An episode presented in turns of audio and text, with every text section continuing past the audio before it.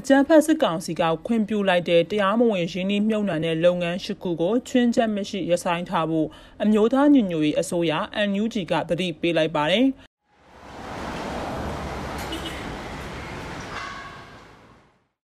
နိုင်ငံတော်အာဏာကိုအကြမ်းဖက်စစ်ကောင်စီကတရားမဝင်လူယူလိုက်တဲ့2021ခုနှစ်ဖေဖော်ဝါရီလ1ရက်နေ့ကစတင်ပြီးယင်းနှမြတ်မှုတွေနဲ့ပတ်သက်တဲ့ယင်းနှမြတ်မှုဆိုင်ရာခွင့်ပြုမိတ်အတီးပြုမိတ်ထုတ်ပေးရာတွေကိုချင်းချက်မရှိရပ်ဆိုင်းထားတယ်လို့ယင်းနှမြတ်မှုနဲ့နိုင်ငံခြားစီးပွားဆက်သွယ်ရေးဝန်ကြီးဌာနခိတ္တပြည်အောင်စုဝန်ကြီးက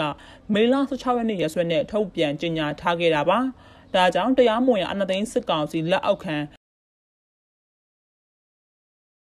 မြန်မာနိုင်ငံယင်းနှမြမှုကော်မရှင် MIC အနေနဲ့ယင်းနှမြမှုဆိုင်ရာအတီးပြုမိတ်ခွင့်ပြုမိတ်တွေကိုအလင်းစလိုလက်လွတ်စပယ်ထုတ်ပေးနေတာကပြည်သူတရက်လုံးလိုလားတောင်းတနေတဲ့ Federal Democracy ပြည်အောင်စုစနစ်ကိုမျက်ကွယ်ပြုပြီးကျူးလွန်ရရောက်တဲ့အတွက်တီးခံခွင့်လွတ်နိုင်တဲ့လောက်ရမဟုတ်ဘူးလို့ NUG အစိုးရစီမံကိန်းဗန္နာရေးနဲ့ယင်းနှမြမှုဝန်ကြီးဌာနပြည်အောင်စုဝန်ကြီးကဆိုပါတယ်။ စစ်ကောင်စီလက်အောက်ခံမြန်မာနိုင်ငံရင်းနှီးမြှုပ်နှံမှုကော်မရှင် MIC ကခွင့်ပြုထားတဲ့လုပ်ငန်း၈ခုတွေထဲမှာတရုတ်၊ထိုင်း၊စင်ကာပူ၊ဂျပန် British Virgin Island နိုင်ငံကကုမ္ပဏီတွေနဲ့မြန်မာနိုင်ငံသားပိုင်ကုမ္ပဏီတွေပါဝင်နေတာဖြစ်ပါတယ်။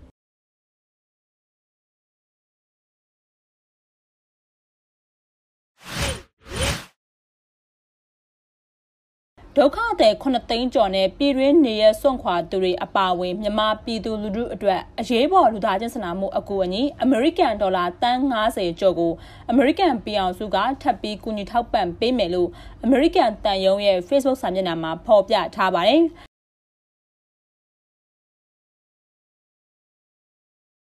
ဒီအကူအညီကတော့မြန်မာနိုင်ငံအတွင်းဖေဖော်ဝါရီလ၁ရက်နေ့ကစစ်တပ်အာဏာသိမ်းပြီးတဲ့နောက်ပိုင်းမှာအကြမ်းဖက်မှုတွေနဲ့ဖိနှိပ်မှုတွေကြောင့်ထွက်ပြေးနေရတဲ့ပြည်သူတွေကိုအကူအညီပေးသွားမှာဖြစ်ပါတယ်။အကူအညီပေးမဲ့အထဲမှာအသက်ကယ်တင်ဆောက်ရှောက်ရေးနေရာထိုင်ခင်းမရှိမဖြစ်ကျန်းမာရေးဆောက်ရှောက်မှုအရေးပေါ်စားနပ်ရိက္ခာအပြင်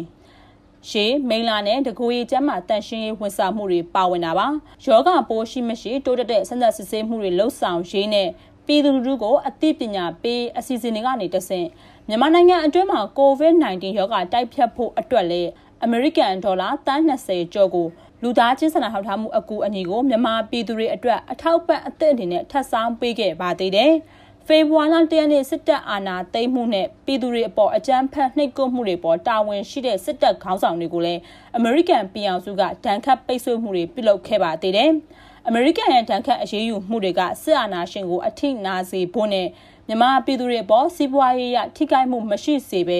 အာဏာသိမ်းမှုနဲ့လူခွင့်ရေးချိုးဖောက်မှုတွေအတွက်တာဝန်ယူမှုတာဝန်ခံမှုရှိစေမှုအတွက်ချမှတ်ခဲ့တာပါဒီမိုကရေစီနည်းလမ်းကျအုပ်ချုပ်ရေးပြန်လည်အသက်သွင်းဖို့မတရားဖမ်းဆီးထိန်းသိမ်းထားသူတွေကိုပြန်လွှတ်ပေးဖို့နဲ့အကြမ်းဖက်မှုတွေကိုရပ်တန့်ဖို့အတွက်ကိုလည်းဩဂုတ်လ3ရက်နေ့မှာအာဆီယံအဖွဲ့ဝင်နိုင်ငံတွေကနိုင်ငံခြားရေးဝန်ကြီးဌာနနဲ့တွေ့ဆုံတဲ့နေရာမှာ နိုင်ငံခြားရေးဝန်ကြီးအန်တိုနီဘလင်ကန်ကမြန်မာစစ်တပ်ကိုတောင်းဆိုခဲ့တာဖြစ်ပါတယ်။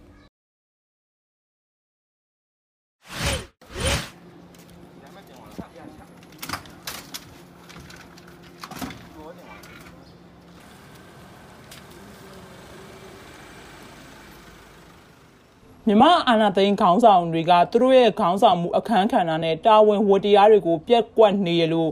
မြန်မာနိုင်ငံရဲ့ကက်သလစ်ခရစ်ယာန်ဂိုဏ်ကျုပ်ဆရာတော်ကြီးကာတီနယ်ချားစ်မောင်ပိုကအော်ဂိုလာ29ရက်နေ့စိတ်မေရီဖျားကြောင်ဝတ်ပြုဆုတောင်းတဲ့နေ့မှာပြောကြားလိုက်ပါတယ်။အသက်တွေအဥ္စာပစ္စည်းတွေပျက်စီးဆုံးရှုံးရတဲ့18လတာ COVID-19 ရောဂါကပ်ပြီးခွန်လာတာပြည်တွင်းပြိပခါတွေစိတ်ပြတ်မှုတွေတိမ်ဆုံးမှုတွေ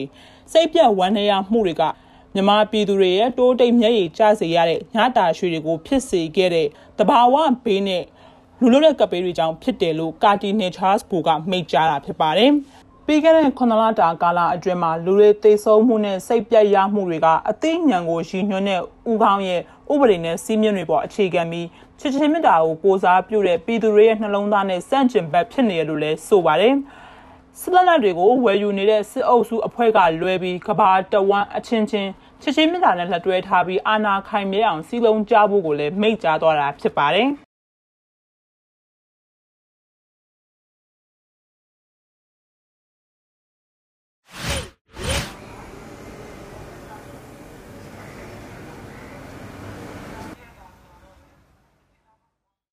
စစ်ကောင်စီကဖွင့်လှစ်ခဲ့တဲ့အကြိမ်30မြောက်ကြက်တထောင်လန်အောင်ပါလီသိန်းစုဖွင့်ပွဲကိုစက်တင်ဘာလ1ရက်နေ့မှာရန်ကုန်အောင်ပါလီသိန်းစုဌာနကွယ်မှာကျင်းပခဲ့တာဖြစ်ပြီးအမြင့်ဆုံးစုအနေနဲ့ကျပ်သိန်း9000စုပဲဖွင့်လှစ်ပေးနိုင်ခဲ့ပါတယ်။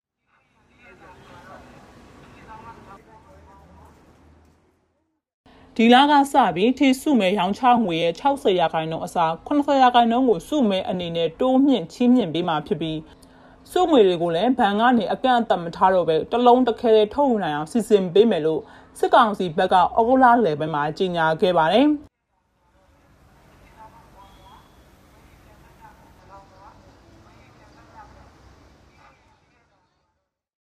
အာနာမသိမ့်မီ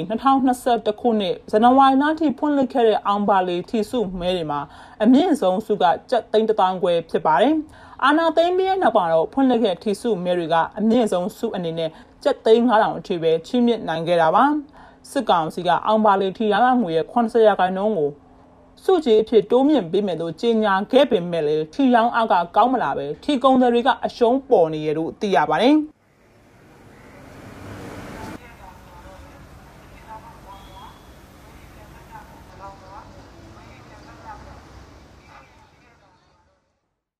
ဩဂုတ်လအတွင်းမှာစစ်ကောင်စီရဲ့အောင်ပါလီထီစာအုပ်ပေါင်း3,24000ကျော်ပဲရောင်းချခဲ့တာဖြစ်ပြီးအရင်လတွေကထက်ရောင်းအားကလည်းပိုကျလာတာဖြစ်ပါတယ်။အမျိုးသားညီညွတ်ရေးအစိုးရ MUG ရဲ့ຫນွေဦးထီပေါ်ပေါက်လာတာအောင်ပါလီထီကိုပြည်သူတွေတပိတ်မှောက်ထားတာကိုဗစ်ကြောင့်ရုံးတွေအလုပ်တွေရနာထားခဲ့ရတဲ့အတွက်အောင်ပါလီထီရောင်းအားတွေကဆက်လက်ကျဆင်းနေတာဖြစ်တယ်လို့ထီကုံတွေကသုံးသပ်ပြောဆိုကြပါတယ်။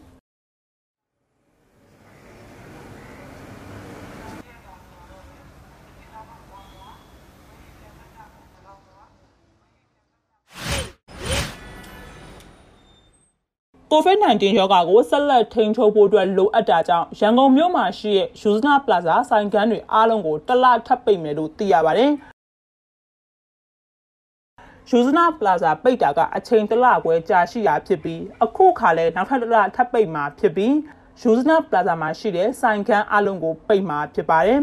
စစ်ကောင်စီဟာ COVID-19 ကူးစက်ပြန့်ပွားမှုကိုထိရောက်စွာကာကွယ်ဖို့ဆိုပြီး အများပြည်သူအလုတ်ယုံပေးရတွေကိုစက်တင်ဘာလ၁ရက်နေ့ကနေ၁၀ရက်နေ့ထိတိုးမြင့်သတ်မှတ်ထားတာဖြစ်ပါတယ်။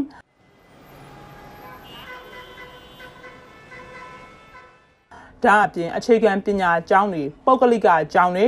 ဖုံးတော်ကြီးတင်ပညာရေးကျောင်းတွေအားလုံးကိုလည်းစက်တင်ဘာလ၁ရက်နေ့ကနေ၁၀ရက်နေ့ထိယာယီပိတ်ထားမယ်လို့ကြေညာခဲ့ပါတယ်။